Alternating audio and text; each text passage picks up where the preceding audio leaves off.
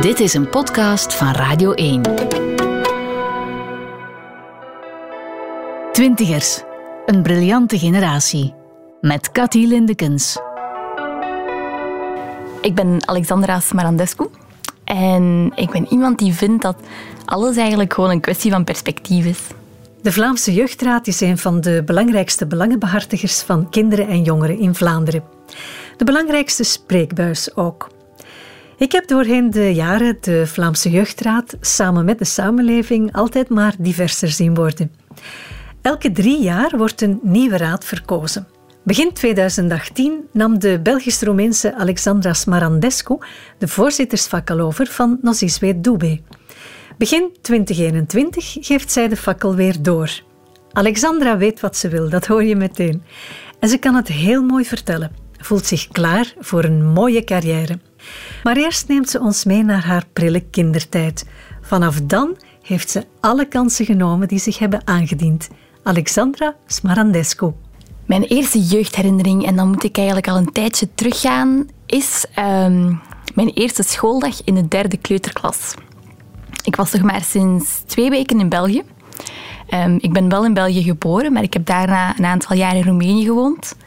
Ehm, en ik was toen nog maar pas terug. En ik was de taal helemaal nog niet machtig. Ik kon maar enkele woordjes Nederlands. en de dag ervoor neemt mijn mama mij apart en zegt... Dat is geen enkel probleem, Alex. Ehm, het enige wat je moet doen is eigenlijk gewoon kijken wat dat de andere kindjes doen. En dat zal de juf dan wel verteld hebben. Dus dat moet jij dan ook gewoon doen. Ehm, en ik herinner mij, dus die eerste schooldag, smiddags, kindjes waren hun boterham aan het opeten.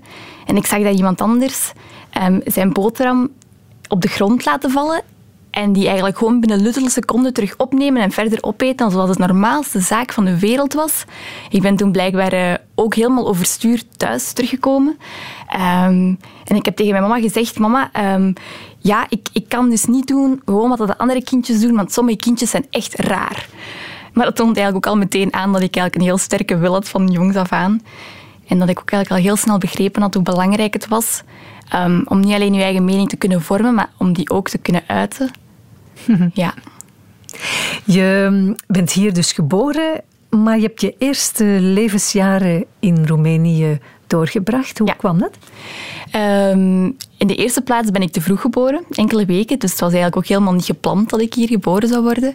Uh, we zouden teruggaan uh, naar Roemenië, omdat dat veel makkelijker was in die tijd. Um, dat was toen nog mijn visa aanvragen. Dat was helemaal niet evident om ja, hier op te groeien zonder familie en niet veel kennis en alleszins. Dus mijn ouders hadden beslist dat dat, dat, beter was. Zij waren hier wel aan het werk, uh, maar we zouden, we zouden teruggaan. Um, ja, we hebben, dat toen, we hebben dat toen gedaan. En ik heb ook een tijdje gewoon alleen mijn grootouders in Roemenië gewoond. Uh, terwijl mijn ouders hier dan wel aan het werken waren. Um, maar ja, op een bepaald moment is dat heel moeilijk. En hebben ze beslist van, nee, ofwel gaan wij terug naar daar, ofwel komt zij naar hier. En het is dan het tweede geworden. Um, waar ik nog altijd heel dankbaar voor ben. Um, en dat eigenlijk ja, de koers van mijn leven heel drastisch heeft bepaald. Wie zijn je ouders en wat deden ze toen? Um, mijn papa is eigenlijk echt een ondernemer. Uh, dat is, ja, zo kan ik hem het beste beschrijven. Niet bang om risico's te nemen. Hij is ook eigenlijk meteen na, na de revolutie vertrokken in Roemenië, omdat het toen eigenlijk ja, een een keuze was. Hè. Ja, je vertrekt dan niet wetende hoe dat verder gaat lopen of je blijft, maar ook niet goed kunnen inschatten of er een nieuwe dictator, um, dat was toen Ceausescu, aan de macht komt of niet. Um, en mijn mama is meer iemand die, die plant en graag de controle in handen heeft en graag dingen uitstippelt en niet zomaar drastische beslissingen neemt. Um, dus dat lijkt eigenlijk een heel rare combinatie, maar dat werkt wel. Ze, ze houden elkaar in evenwicht en ik heb eigenlijk de dingen van beide, wat eigenlijk ideaal is. Hadden zij toen een eigen zaak hier? Uh, nee, mijn papa is toen um, ja, via kennis in Roemenië hier terechtgekomen en is hier dan in de bouw aan de slag gegaan. Um, nu heeft hij wel zijn eigen, zijn eigen zaak, um, maar dat heeft natuurlijk lang, lang geduurd. En mijn mama is toen, oh, wat was dat toen? In het begin denk ik dat zij vooral als seizoensarbeider fruit ging plukken en dat ze zo hier terecht is gekomen. Eerst voor twee, drie maanden was dat, denk ik. Dat was qua administratie ook niet zo evident als nu. Um, je kon ook helemaal niet zo makkelijk reizen tussen landen. En ik herinner mij als kind, toen we met de auto van Roemenië naar hier kwamen, ook um, grenzen en douanes. waarbij je papieren moest laten zien. ja, vragen als kind. Want ik vroeg blijkbaar ook vragen als... ehm, ja, maar als je het ene land dan... Als je die controlepost voorbij bent geraakt en je bent aan het wachten om het andere land binnen te komen... ehm, waar bevind je je dan precies? en mijn mama zegt van... Oh, die vragen toen, dat was, we wisten dat ook niet. Ja. Hebben ze elkaar hier leren kennen dan? Nee, ze hebben elkaar in Roemenië leren kennen. Ja. Ehm, ik ken het verhaal daarachter. Ehm, maar eh, dat heeft heel enige tijd geduurd voordat ze effectief ook getrouwd zijn. In Roemenië ja, was dat vrij laat. Was mama 27, 28, zoiets. Maar dus nee, ze hebben elkaar hier niet leren kennen, maar ze zijn ehm, wel samen naar hier gekomen. Cântă cu, cu Batelvina, de răsună Bucovina. Cântă cu, cu melodia, de răsună România. Cântă cu, cu într-un brăduț, de răsună în Cernăuți, mă. Jouw allerkleinste kindertijd heb je dan in Roemenië doorgebracht. Weet je daar nog veel van? Ehm, niet bijzonder veel. Eh, wel bijvoorbeeld dat mijn nicht ehm, naast de deur woonde. Ehm, en zij was enkele maanden ouder dan mij, een half jaar. Dus wij trokken eigenlijk zoals zusjes op. Uh, we aten samen, we gingen toen samen naar de kleuterklas. En, en dat werkte. Maar dat is natuurlijk wel even confronterend in die zin dat we gingen elk jaar terug ehm, op vakantie in de zomer. En dan zie je hoe dat die levens heel anders verlopen. Ik heb, ehm, ik heb ook andere nichtjes die natuurlijk ook verder zijn gaan studeren of daar op kot zitten in, in de hoofdstad. Ehm, maar die niet dezelfde kansen hebben gekregen. En dat is confronterend om, om te merken. Ehm, maakt u extra dankbaar voor de kansen die je hier wel krijgt. maar waar jij ook natuurlijk mede verantwoordelijk voor bent. Want je hebt jezelf bij beide handen gegrepen. Ehm, maar dat, ja, ik kom altijd heel gegrond terug ehm, als ik terug ben van Roemenië. Dat is de beste manier waarop ik het kan beschrijven. Maar je grootmoeder is nog daar. Ja, ja. Mis je haar? Mijn beide grootmoeders.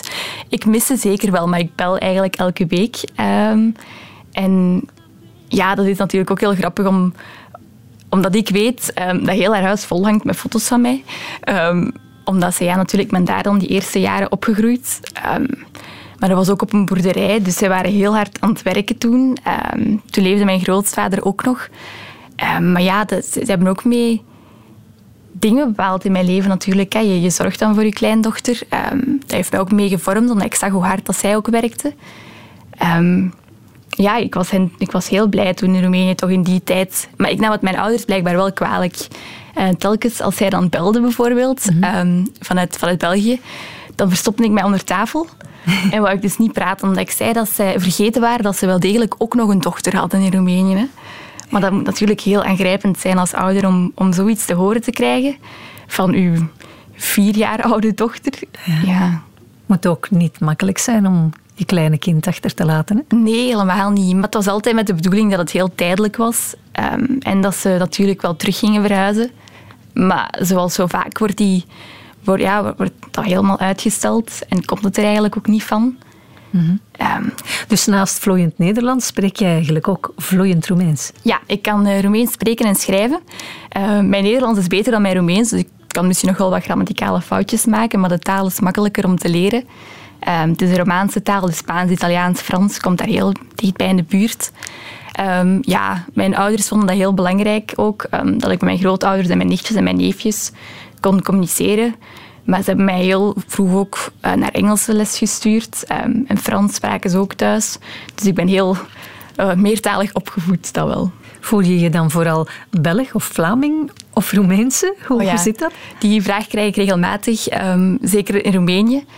Ehm, en het antwoord daarop is dat het, eh, dat het helemaal niet 50-50 is of, of dat ik daarin geen keuze kan maken. Het is een, het is een combinatie van dingen. Ehm, als het op te laat komen aankomt, eh, dan, dan leef ik meestal op de Roemeense klok, zou ik zeggen. Ehm, ja, ik, dingen die ik als eerste zou vragen als, als iemand bij mij op kot komt, is heb je al gegeten of, of heb je dorst? Of van die dingen, dat is ook heel typisch Roemeens. Maar ik heb het graag gestructureerd. Ehm, ja, ik ben ook nogal een planner, dus in die zin is het een combinatie van beide. Suntem un neam de frunte Stăpâni pe a noastră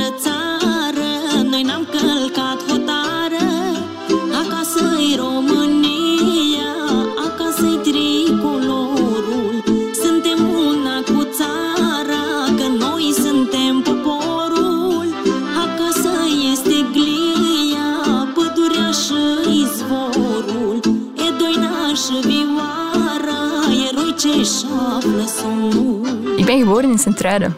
Dat was toen fruitstreek, dus dat was niet... Ja, voilà. Dat was eh, evident eigenlijk. Ehm, ja, en toen zijn ze teruggegaan en terug in, in die beland uiteindelijk. Heb je heel snel de taal geleerd of heeft dat even geduurd? Eh, nee, dat ging heel snel. Ehm, mijn mama is zelfs, dus na dat eerste, ja, derde kleuterklasje, na dat eerste jaar, is naar de leerkracht geweest eh, om, om te vragen of het misschien niet goed was om, om dat opnieuw te doen, zodat ik mijn Nederlands perfect onder de knie zou hebben. Ehm, en blijkbaar moest mijn juf uit de derde kleuterklas daarmee lachen, want ze zei van dat is eigenlijk helemaal niet nodig. Ehm, en ze heeft totaal eigenlijk al lang onder de knie. En als kind gaat dat heel snel. Toch zeker in vergelijking met mijn ouders, waarbij dat minder evident was, omdat die ook gingen gaan werken overdag. S'avonds ook wel naar school gingen. Ehm, maar ja, dat is niet meteen een grootste prioriteit op dat moment. Dat heeft er ook voor gezorgd dat ik bijvoorbeeld meeging ehm, naar de dokter of naar het stadhuis of naar de bank om mee te vertalen. En voor mij was dat de meest evidente zaak van de wereld. Dat was helemaal geen moeite, want ik kon de taal.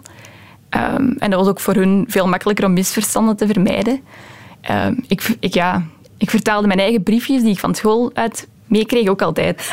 dat is handig, hè? Dus dat is eigenlijk eh, ja, heel van jongs af aan leren om verantwoordelijkheid op te nemen. Jouw eh, kindertijd op school, is die vlot verlopen, goed verlopen? Of eh, voel je je af en toe aan de kant staan? Nee, ik heb het geluk gehad ehm, dat er bij mij in de klas al zeker helemaal geen andere eh, Roemeense kinderen zaten. En geluk in die zin dat je dan geen keuze hebt. Ehm, en dat je dan begint te mingelen en te babbelen. En, en ehm, dat heeft mij heel hard geholpen in het begin, omdat ik mij niet in die zin anders voelde. Ehm, ik was ook als kind heel sociaal, dus op dat vlak was er eigenlijk helemaal geen probleem. Ik heb ook aan mijn ouders gevraagd of er misschien wel momenten waren waarop zij dat wel veel harder hebben gevoeld. En dan was het antwoord eigenlijk vooral, en het kwam daarop neer, dat ze daar ook helemaal geen tijd voor hadden om, om daar rekening mee te houden. Dus ik weet het niet. Het was een heel vaag antwoord. Ehm, maar dat, is, dat typeert dan weer, ehm, ze staan daar niet bij stil. Dat is niet belangrijk. De belangrijke dingen is hoe goed dat met ons gaat en hoe goed dat hun dochter doet, bijvoorbeeld ook op school. Ehm, daar hechten ze heel veel belang aan. En je deed het goed op school. Ja, ik deed het goed op school in die zin ehm, dat ik eigenlijk al van heel jongs af aan zelfstandig was en dat ze mij niet moesten zeggen om aan mijn huiswerk te beginnen. Ehm, en als we dan later in het middelbaar Latijnse woordjes moesten studeren, was het ook niet dat mijn ouders hielpen, maar was het veel makkelijker voor mijn mama om de woordjes in het Latijn te, voor te lezen, voor dictee bijvoorbeeld, en, en minder in het Nederlands. Dus in die zin is het allemaal goed en vrij vlot gegaan. Ging je naar de jeugdbeweging? Nee, ik ben niet naar de jeugdbeweging geweest. Ehm, ik heb verschillende dingen gedaan. eh, tekenacademie en dansen. ehm, tennissen op een bepaald moment, maar daar bleek mijn talent al helemaal niet te liggen, want bijzonder sportief ben ik nooit geweest. Ehm, hoewel mijn beide ouders dat wel waren. Maar de jeugdbeweging heb ik eigenlijk nooit gedaan, nee. En hoewel ik ook wel veel vrienden heb die dat wel hebben gedaan.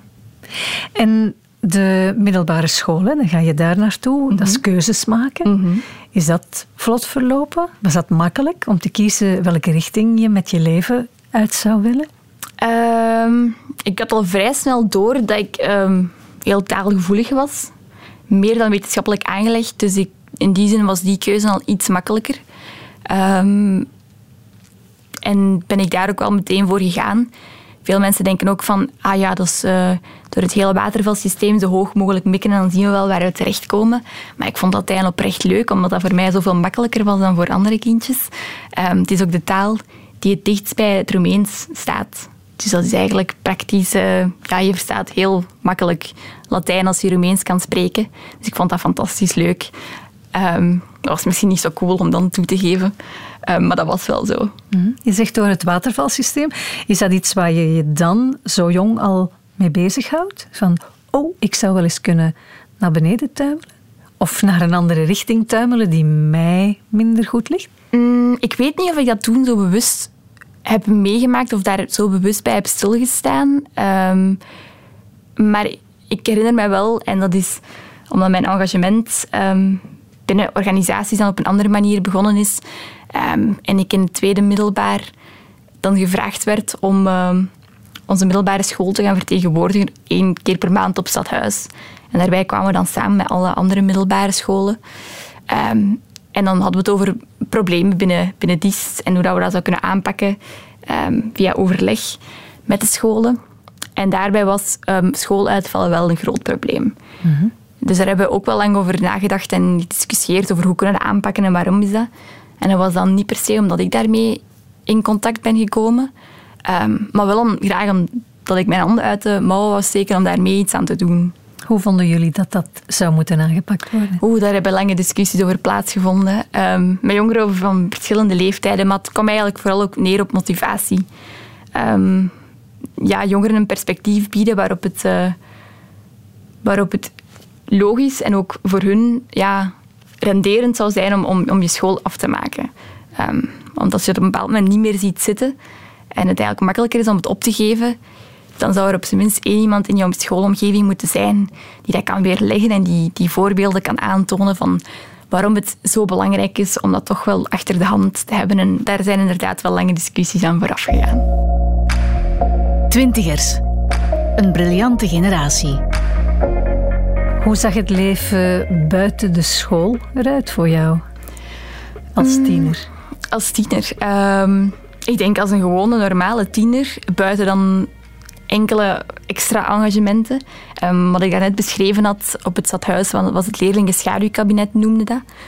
Um, en dat vond dan nog altijd in Dies plaats, tijdens de schooluren trouwens. Maar buiten de schooluren ja, was er dan zoiets als de Vlaamse scholierenkoepel. Waarbij dat we één keer per maand in Brussel op zaterdag samenkwamen. met scholieren van over heel Vlaanderen en Brussel. Dus dat was dan nog een stapje verder. En dan ben ik daarin gerold. Hoe ben je daar eigenlijk terechtgekomen? Ja, ingerold. Maar ja, hoe gaat dat dan? Ja, uh, heel concreet is dat dan Chris, um, die als begeleider van het LSK, mij even apart neemt en zegt... Ah, wel, Alexandra, ik denk um, dat VSK eigenlijk ook wel iets voor jou zou zijn. En misschien moet je dat gewoon eens uh, googlen en eens zien of dat je dat... Ja, een keer gaan en eens zien of dat, dat iets voor jou is. En zo is het eigenlijk vaak gegaan. Gewoon één iemand die u een bepaalde richting um, ja, een duwtje in de rug geeft... Mhm. En dan blijkt dan achteraf inderdaad wel iets voor jou te zijn. En dan blijf je gaan en dan blijf je andere mensen daarmee in betrekken. En dan achteraf terugkijkend blijkt dan heel uh, belangrijk te zijn geweest. Is het belangrijk voor jou om je mening te geven? Ja, maar het is eigenlijk nog belangrijker voor mij om mee te helpen zorgen dat anderen ook hun mening kwijt kunnen. Omdat ik mhm. eigenlijk al van jongs af aan vrij sterk in mijn schoenen stond, had ik daar zelf geen problemen mee. Maar was ik ook altijd degene die in een groep dan zou vragen: en, ah, en wat denkt jij daarover? En hoe ziet jij dat dan? En vaak ook de jongeren die dan misschien iets minder mondig waren of die dan misschien minder snel uh, het woord zouden nemen. Omdat ik zelf ook zag hoe dat, dat bij mijn ouders bijvoorbeeld was in, in een groep en hoe dat, dat voor hun veel moeilijker was. En dat draag je altijd mee. En dat helpt en dat vormt u en dan zorg je ervoor dat, dat, dat je inderdaad de persoon bent die dat voor anderen ook iets makkelijker maakt. En je doet dat vlot en vrolijk. Met heel veel plezier, ja. ja anders dan, dan zou je dat niet blijven doen, denk ik. Maar dat zorgt er ook voor dat uw klasgenoten dan in het laatste middelbaar bijvoorbeeld op de eerste schooldag moesten we volgens eh, een leerkracht ja, een, een KD-raad was dat dan van laatste jaar, die dan Chrysostomos in elkaar steken en een quiz en uh, ja, de proclamatie en al die dingen. En zeggen, ja, we hebben iemand nodig die dan goede banen leidt. Um, ik stel me daar niet kandidaat voor. Ik heb het op dat moment al vrij druk. Uh, maar iemand anders steekt zijn hand omhoog en zegt, ik nomineer Alex. al de rest zegt, ik ben akkoord. En zo gaat dat dan. Dus dat was ook altijd het geval dat anderen mij meer naar voren um, duwden eigenlijk in die richting, omdat ze dachten, ja, ja, zij gaat dat goed doen.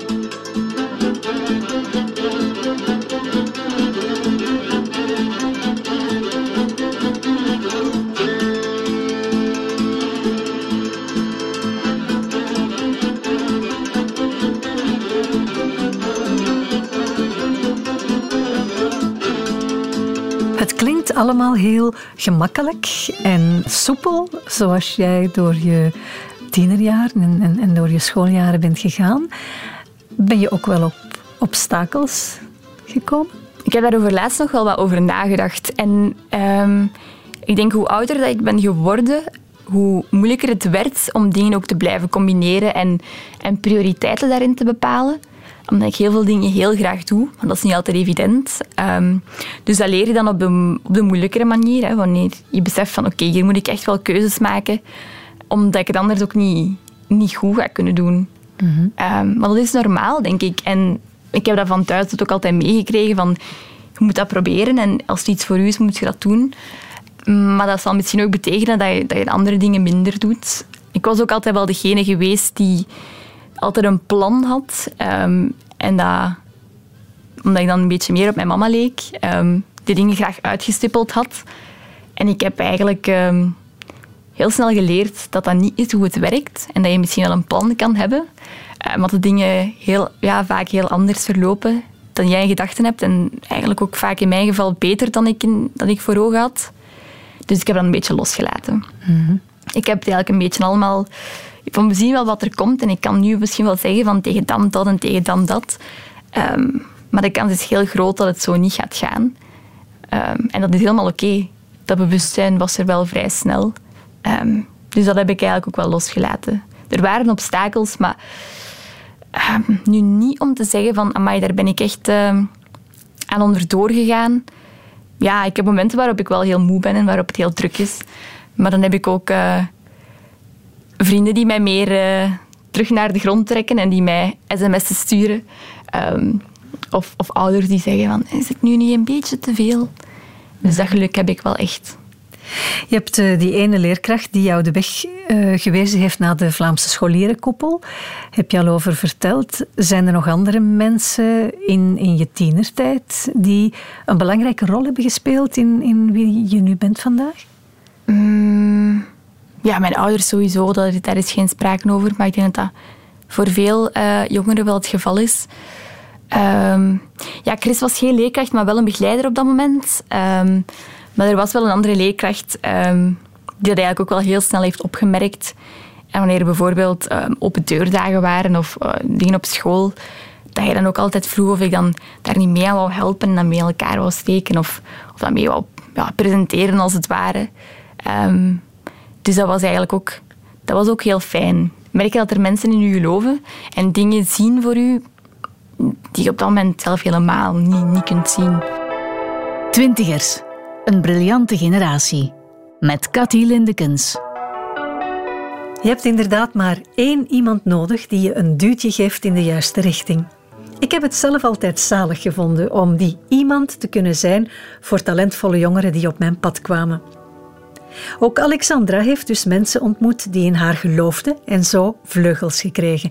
Maar hoe is ze dan bij de Vlaamse Jeugdraad gekomen? Ik zat op de trein en ik kreeg een mailtje binnen um, van, uh, van Nienke, iemand die toen uh, werkte bij de, bij de Vlaamse Scholierenkoepel, met um, ja, een, een, een opportuniteit, zeg maar, dat er ja, via de Amerikaanse ambassade in Brussel het is een beetje een omweg. Hè. Um, een oproep was gekomen om uh, naar Boston te gaan voor een internationale conferentie rond, uh, rond vrouwenrechten en participatie um, enzovoort. Ik dacht, amai, dat is een long shot, want ik die dan in Boston geraakt, uh, no way. Maar ik heb dat toen toch geprobeerd. Eigenlijk vooral omdat ik dacht, het is zo onwaarschijnlijk dat ik eigenlijk helemaal niks te verliezen heb. En dat is dan eigenlijk gelukt. Dus ik mocht dan twee weken in de zomer naar Boston. Some of the future women leaders of the world are gathering right now in Boston, taking part in an intensive 10 day experience. It is the Women to Women International Leadership Program at Simmons University. Um, en daar heb ik iemand leren kennen die op dat moment um, ja, in de Vlaamse jeugdraad zat. En die daarover vertelde, maar was toen voor mij nogal op een afstand. Um, en toen waren het geen verkiezingen. Maar ik ben het toen wel een beetje op de voet beginnen volgen. en dan af en toe naar evenementen geweest. En toen werd, ja, om de drie jaar zijn er verkiezingen voor nieuwe adviseurs. Um, en toen ben ik langs geweest met, zou ik mijn kandidaat stellen of niet? Um, en toen ook ja, een gesprek aangekomen met de mensen die daar, die daar waren. Ik dacht, ja, ik voel me hier eigenlijk wel echt heel goed bij. Um, en toen heb ik besloten om mij, om mijn kandidaat te stellen als adviseur, maar zeker niet als voorzitter op dat moment. Maar ze hebben jou dan tot voorzitter gekozen. Ehm, ja, dat gaat dan ook weer... hoe werkt dat eigenlijk? Ja, je wordt wel verkozen. ehm, maar het moment waarop ik besliste van ah, oké, ik ga mij misschien kandidaat stellen als voorzitter, was vooral gekomen weer om de andere zijde van anderen die dan zich ook kandidaat stellen als adviseur. ehm, van eigenlijk zie ik u dat echt wel goed doen en eh, dat is eigenlijk echt nog wel iets voor u. En dan mensen die je nog niet zo aan kent op dat moment, ehm, toen ben ik er wel serieus over na beginnen denken. Maar ik dacht altijd dat is iemand die veel langer actief moet geweest zijn bij de Vlaamse Jeugdraad. Maar het was eigenlijk een, een ploeg waarbij drie vierden op dat moment eigenlijk nieuw was binnen de organisatie. Dus toen dacht ik, ah ja, oké. Oké. Ehm, en toen heb ik mij inderdaad eh, kandidaat gesteld. En dat gaat dan in zijn werk in de zin dat je dan op gesprek komt ehm, bij toen de huidige voorzitter, ondervoorzitter en coördinator van de Vlaamse Jeugdraad. Die stelt u een paar vragen, ehm, maar ik heb me daar niet op voorbereid, omdat ik dacht, ik ga gewoon spontaan op die vragen antwoorden. En als zij zoiets hebben van, die zou dat goed doen, graag. Maar als zij zoiets hebben van, iemand anders zou dat beter doen, dan was dat voor mij geen probleem. Het ging toen niet om, om dat postje als, als voorzitter, maar ik vond, ja, interne organisatie eigenlijk even belangrijk als, als boegbeeld zijn naar buiten toe. Dus ik had ook zin om daar mijn tanden in te zetten. Ehm, en uiteindelijk is het er wel van gekomen. Denk je daarna over de verantwoordelijkheden die daar mee gepaard gaan? Ja, in het begin helemaal niet. Nee. Ik spring eerst en dan komen die verantwoordelijkheden stilaan wel op mij af op een bepaald moment. Ehm, en dat komt ook gaandeweg. Het komt niet allemaal ineens op je af. Dus gelukkig ehm, heb je daar ook enige tijd voor om je daaraan aan te passen. Je wordt ook begeleid, hè? Ja, ja, tuurlijk. Dus dat was, eh, dat was ook heel fijn. Dat klikte ook meteen met de ploeg die daar, eh, die daar dagdagelijks rondliep. Want voor mij was dat toen niet het geval. Ehm, dus dat zat eigenlijk wel echt goed. We're going to change the world.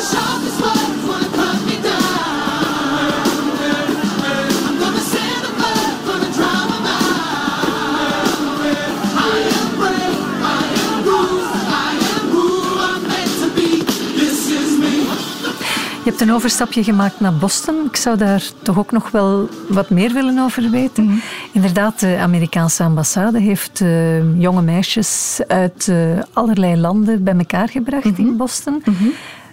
Wat gebeurde daar? Hoe ging dat? Dat was een internationale conferentie waarbij dat we dagelijks ehm, langs gingen op universiteiten en, en, en workshops deden. Ehm, ik denk dan maar bijvoorbeeld, we hebben uh, onderhandelingsskills ehm, gedosseerd gekregen, maar ook getraind op, op Harvard bijvoorbeeld, wat al heel prestigieus was. Ehm, ehm, ja, er ook aan met senators met ons babbelen. Het ging over mensenrechten, ehm, women empowerment. Ja, daar kwam heel wat bij kijken, maar in een heel informele sfeer eigenlijk. En we zaten daar samen met 125 meisjes uit, uit 25 verschillende landen. En dat was fantastisch om te zien dat wij daar eigenlijk ja, met heel veel dezelfde uitdagingen geconfronteerd werden. Hoewel dat onze context soms totaal verschillend was. Ehm, Hoeveel Belgische meisjes waren daarbij? eh, we waren begin met zes. We spent the day at Harvard Law School. A panel of powerful women led by Alice Najemi shared pearls of wisdom for our career path and understanding our value. A great leader creates great leaders. I don't believe that there are failures. I think there are learning opportunities. I did what I thought was right. You need to think about who's calling it failure. having some dreams and putting strategies in place to make them happen. Ja, en ik ben dan daarna ook teruggekeerd als, eh, als intern, dus als stagiair om bij de conferentie in, in te organiseren. En ehm, we hebben ook eentje hier in Antwerpen georganiseerd, ehm, via de Amerikaanse ambassade in België. En zo blijft de bal natuurlijk eh, rollen. Hè. Heb je daar vriendschappen aan overgehouden? Ja, zeker en vast. Ehm, dat zijn misschien mm, ja, geen vriendinnen die je vaak ziet, ehm, maar in de Facebookgroep wordt regelmatig gepost van ik ben dat weekend in, eh, in Parijs of ik ben ehm, dat weekend in, in Griekenland of in Amerika. Is er, is er nog iemand in de buurt? En dan is het wel een paar keer voorgevallen ehm, dat we hebben afgesproken dat je dan ze meeneemt in, in België en in Brussel en, en rondleidt of dat ze bij je op kot blijven slapen bijvoorbeeld. Dan wordt plots je wereldbeeld wel helemaal eh, opgegooid. Hè? Je hebt eerst Ja. Roemenië en België en dan de hele wereld Ja. rond je. Ja, dat klopt. Wat doet dat met een meisje? Ehm, dat zet wel even aan tot nadenken. Ehm, en dat zorgt er eigenlijk ook voor dat ik de dingen een beetje ben gaan zien zoals ik ze nu nog op dit moment altijd zie. Ehm, ik heb mij in het begin dus beschreven als iemand die, die vooral vindt dat alles een kwestie van perspectief is. Ehm, en daar ben ik het echt daar ben ik echt van overtuigd in de zin dat het heel hard afhangt van, van contextgewijs en waarom dat bepaalde mensen bepaalde dingen vinden of doen. En ik vind dat je dat niet los kan koppelen van elkaar. Dus ik probeer ook zelf zo te zijn dat ehm, ik mij vaak wil ja, in iemand anders zijn schoenen verplaatsen. Om, om te weten van oké, waarom denkt iemand zo of waarom is iemand zo. Ehm, en dat helpt ongelooflijk veel om anderen ook te proberen te begrijpen. Ik zeg niet dat dat lukt, maar dat, dat helpt mij persoonlijk. Ehm, en dat is ook het enige wat je kan doen. En je kan er niet voor zorgen of anderen verplichten om de dingen op jouw manier te bekijken, maar je kan wel proberen om zelf toch die stap te zetten om op zijn minst ja, anderen veel beter te proberen te begrijpen. Op wat soort dingen speelde dat dan? Geef eens een voorbeeld. Oh, dat kon over heel, heel ehm, grote dingen gaan. Over, over meisjes die bijvoorbeeld ehm, in Afrikaanse landen 20 kilometer moesten stappen om, om school te bereiken. Ehm, maar dat kon ook om heel, heel concrete dingen gaan. Over peers vinden in uw naaste omgeving, op de universiteit bijvoorbeeld. Ehm, ehm, en, niet alleen op de universiteit, maar ook in uw vriendengroep. Ehm, ja, van heel brede thema's, zoals vrouwenrechten wereldwijd, op de kaart proberen zetten. En hoe pak je dat concreet aan en met wie werk je daarvoor samen? Tot heel kleine dingen die, die wel degelijk een, een verschil kunnen maken. Ja, en toegang tot bepaalde middelen is dat dan ook op dat moment, of basisvoorzieningen. Of, ja. Ehm, het is eigenlijk heel frappant, ja, frappant om te zien ehm, hoe mensen uit verschillende contexten soms heel vaak dingen hetzelfde zien. Of hoe mensen die heel dicht bij u staan, ehm, juist de dingen totaal anders bekijken. I want to thank you for this life altering opportunity. You've truly opened my eyes to not only the issues that we are all working so hard to resolve, to the kindness, the cultures, and the invaluable opinions that my lovely ladies have to give. We will.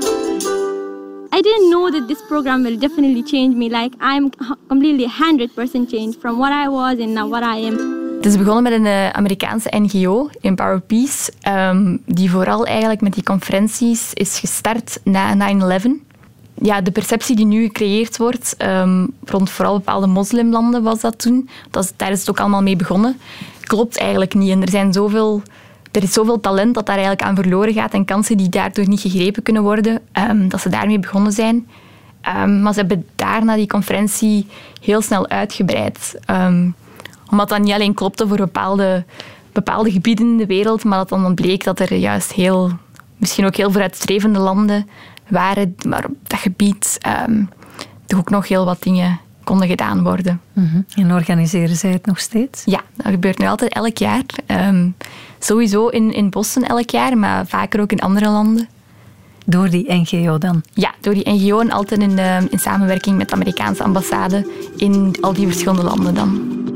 Hallo, ik ben Inne. En ik ben Thomas. En wij zijn door jullie verkozen als twee jongerenadviseurs voor de Vlaamse Jeugdraad. Ja, we staan hier momenteel voor de ambassade en daar gaan we proberen drie jaar lang jullie stem zo goed mogelijk te vertegenwoordigen in de Vlaamse Jeugdraad. Ja, dus wij gaan drie jaar keilang hard eh, werken om jullie content te krijgen. Wat ik vooral belangrijk vind, is dat jongeren zichzelf kunnen zijn, op welke manier dan ook. Ik zou graag voor willen zorgen dat jongeren de Vlaamse Jeugdraad als een aanspreekpunt gaan kunnen zien waar ze naartoe kunnen gaan met hun ideeën en hun uitdagingen. Terug naar de jeugdraad. Jullie eh, zijn met hoeveel jongeren? Ehm, wel, ja, de jongeren die effectief stemrecht hebben in de adviesraad, daarmee zijn we met 16. Ehm, maar de vrijwilligers, dat is natuurlijk eh, een hele grote groep. En dat is afhankelijk van welke werkgroep dat je eruit pikt en ja, welke evenementen enzovoort. Ehm, dus dat hangt echt een beetje vanaf hoe dat je het bekijkt. Maar stemgerechtigde leden, daarmee zijn we met 16. Waarover stemmen jullie zoal? Heel wat dingen natuurlijk. Ja, onze, onze prioriteiten, die nu sommigen al afgelopen zijn en sommige ehm, nog steeds lopen en nieuwe prioriteiten dat, dat ermee komen kijken. Waar bijvoorbeeld ehm, onderwijs en, en gelijkheid in het onderwijs, ehm, ja, diversiteit en representatie in de media, psychisch welzijn, goed in je vel. Maar na anderhalf jaar worden die afgesloten en worden er nieuwe gekozen. Ehm, en komen er dingen als duurzame mobiliteit bijvoorbeeld bij en duurzaam leven, thema's die natuurlijk ook ja, heel belangrijk zijn voor jongeren. Hè. Maar het is heel boeiend. En het is ook niet dat wij ja, die 16 gaan bepalen van oké, we gaan ons dit vinden wij belangrijk, dus daar gaan we ons zetten. Ehm, en daaraan gaan we werken de kom, het komend anderhalf jaar. Ehm, maar we bevragen effectief jongeren ehm, online, maar we trekken ook de straten op. Met een lijst van waar lig jij van wakker en, en waarom is dat zo belangrijk voor u. En dan zijn die thema's dus uit de bus gekomen. En dan gaan wij daar concreet mee aan de slag. Denken we, oké, eh, hoe kunnen we het beleid daarmee ook een handje helpen? En hoe kunnen wij hen daarin bijstaan en adviseren? Want dat is uiteindelijk wat de, wat de Vlaamse Jeugdraad is. Het officiële adviesorgaan van de Vlaamse regering. ehm, voor eigenlijk alles wat met kinderen en jongeren en organisaties te maken heeft. Mhm. Jullie hebben bijvoorbeeld rond arbeid een heel project gedaan. Dat klopt. En wat waren daar de conclusies uit? Eh, dat was niet altijd even evident, omdat bepaalde organisaties zoals de VDAB niet altijd hun weg vinden, of niet zo makkelijk hun weg vinden naar jongeren en hoe hen het beste begeleiden bij hun zoektocht naar werk.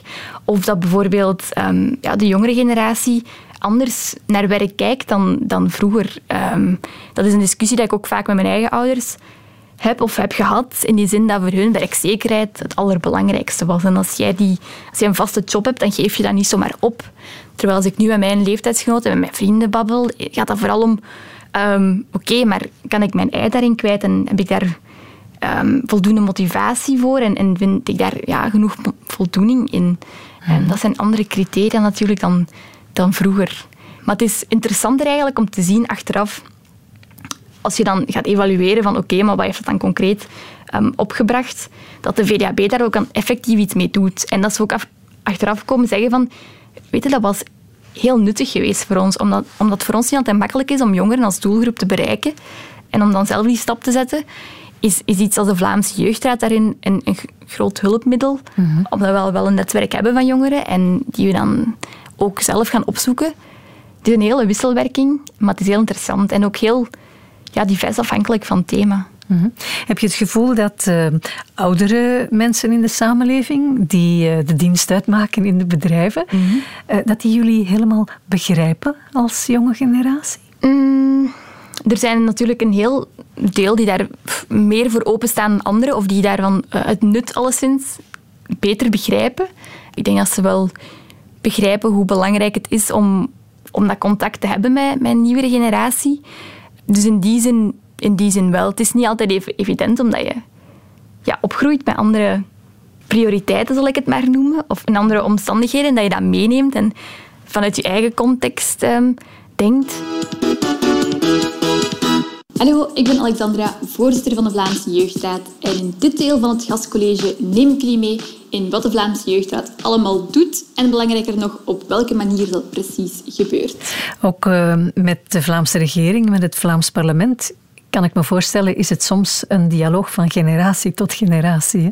Ja, dat is, dat is niet altijd even evident. ehm, maar dat, dat had ik ook niet helemaal verwacht ehm, in het begin. Ehm, er is zeker wel heel wat contact met de verschillende ehm, fracties en politieke partijen.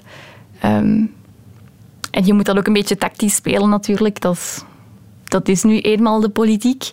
Ehm, Heb je het gevoel dat ze jullie adviezen ja, belangrijk genoeg vinden en, en, en dat ze daar rekening mee houden? Ik denk dat dat wel veranderd is de afgelopen jaren. Dat ze, wel, dat ze de Vlaamse Jeugdraad wel als, als volwaardige partner echt zien.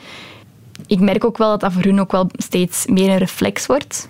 Ehm, het kan in sommige gevallen altijd beter, maar dat ze ook wel die reflex beginnen krijgen van oké, het is niet alleen praten over kinderen en jongeren, maar het is effectief hun ook een plaats mee aan tafel geven en, en hun mening vragen, maar ook vooral daar verder iets mee doen of hen verder op de hoogte houden. Veel dingen hangen ook gewoon af van communicatie. Heb jij het idee dat de stem van kinderen en jongeren nog niet genoeg gehoord wordt? Heb jij zin om jouw wilde plannen tot bij onze ministers te brengen? Wil jij de wereld veranderen? Wel, dat kan. Want jij kan een van de nieuwe jongerenadviseurs van de Vlaamse Jeugdraad worden. Je bent nog ehm, voorzitter van de Vlaamse Jeugdraad. Wat komt er dan? Ja, de vraag van 1 miljoen. Het meest oprechte antwoord dat ik kan geven op dit moment is ik weet het niet. Ehm, reizen is eventueel een optie. Je wil niet naar de rechtbank? Advocaat worden? Of nee. procureur? Of De rechter? Nee, de advocatuur is niet meteen iets voor mij. Ik heb wel stages gedaan in de advocatuur. ehm, en dat was fantastisch om te zien dat die mensen heel gemotiveerd waren. En, en zou je wel afgaan, hè? Misschien wel, ehm, maar ik, ik, ik deelde dat niet op het einde van de dag. We zaten mee aan tafel en ze waren bezig voor belangrijke dossiers. Ehm, en hoe dat zij daarin het verschil hebben kunnen maken. En vaak kwam dat neer op, op geld, want dat was vooral het vennootschapsrecht toen. Ehm, en ik voelde het niet. Ik voelde het niet en dacht, ja, dit is niet waar dat ik ehm, mijn ei kwijt ga kunnen. Ik heb In de jeugdzorg zijn er wel andere dossiers. dat klopt. En dat is zeker ook een optie. Ehm, het middenveld. misschien de academische wereld. Ik, ik weet het op dit moment echt niet. En ik denk dat dat oké is. Omdat ik ook denk dat, dat het nu al de moment is om, om te proeven van verschillende dingen. Twintigers. Een briljante generatie. Zijn er eh, grote wereldproblemen of dingen die jouw generatie heel hard aangaan, waar je met je schouders nog zou willen onderzetten? Er zijn, er zijn heel wat dingen, maar ik vind onderwijs heel belangrijk. Ehm, omdat dat voor mij een groot verschil heeft gemaakt. En ik zie ook allee, met mijn ouders daarin dat dat voor hun ook... eh, misschien was het voor hun heel anders gelopen en hadden zij een heel ander ehm, ja, job of dagdagelijks ritme als zij misschien wel hebben zouden verder gestudeerd. Ehm, dus daarom, dat is een heel belangrijk thema voor mij. Maar ook ehm, psychisch welzijn. Ja, ik merk ook, ja, niet alleen bij mezelf, maar ook bij jongeren rondom mij, hoe belangrijk het is om, om af en toe gewoon toe te geven dat het even niet gaat. En dat het oké is om daarover te babbelen met je omgeving. En ik ben zelf iemand die daarover heel gesloten is, omdat ik voor mijzelf eerst de dingen moet kunnen oplossen of verwerken vooraleer ik daarover babbel. Maar dat is niet de juiste, niet de juiste manier.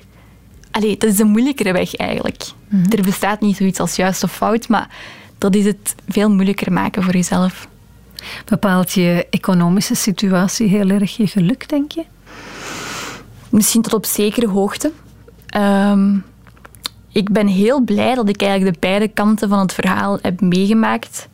Ehm, want toen, wij, allee, toen ik heel jong was, hadden we het helemaal niet breed.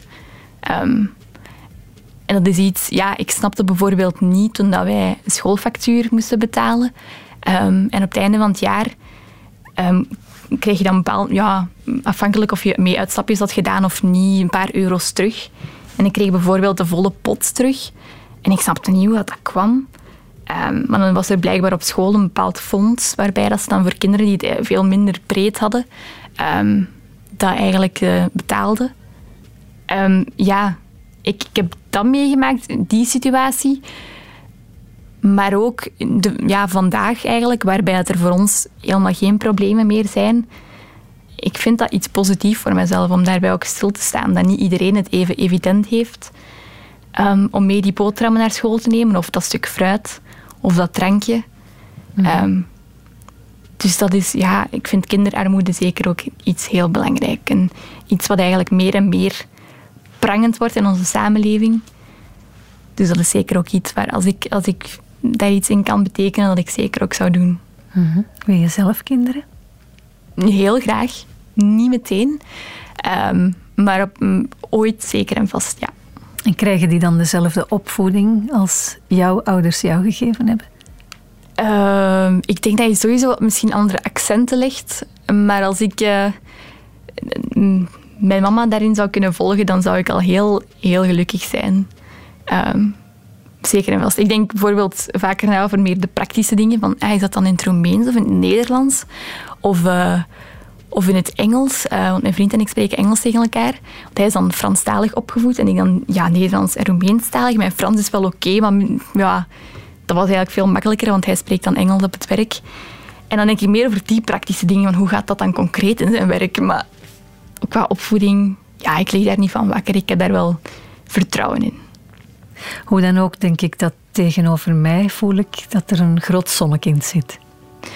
Ja, dat is ook vaak wat ik, eh, wat ik te horen krijg. Ehm, ik ben geen ochtendmens, dus ochtends is al iets minder, maar het is nu al avond. Dus dan komt die energie wat, wat meer vrij. Ehm, maar ja, ik ben, heel blij met, met hoe dat de dingen zijn, zijn gelopen. En ik ben vooral zelf ook heel benieuwd naar hoe het verder loopt. Ehm, en ik vind dat mooi als je dat kan zeggen over je eigen leven, dat ik vooral nog heel benieuwd ben.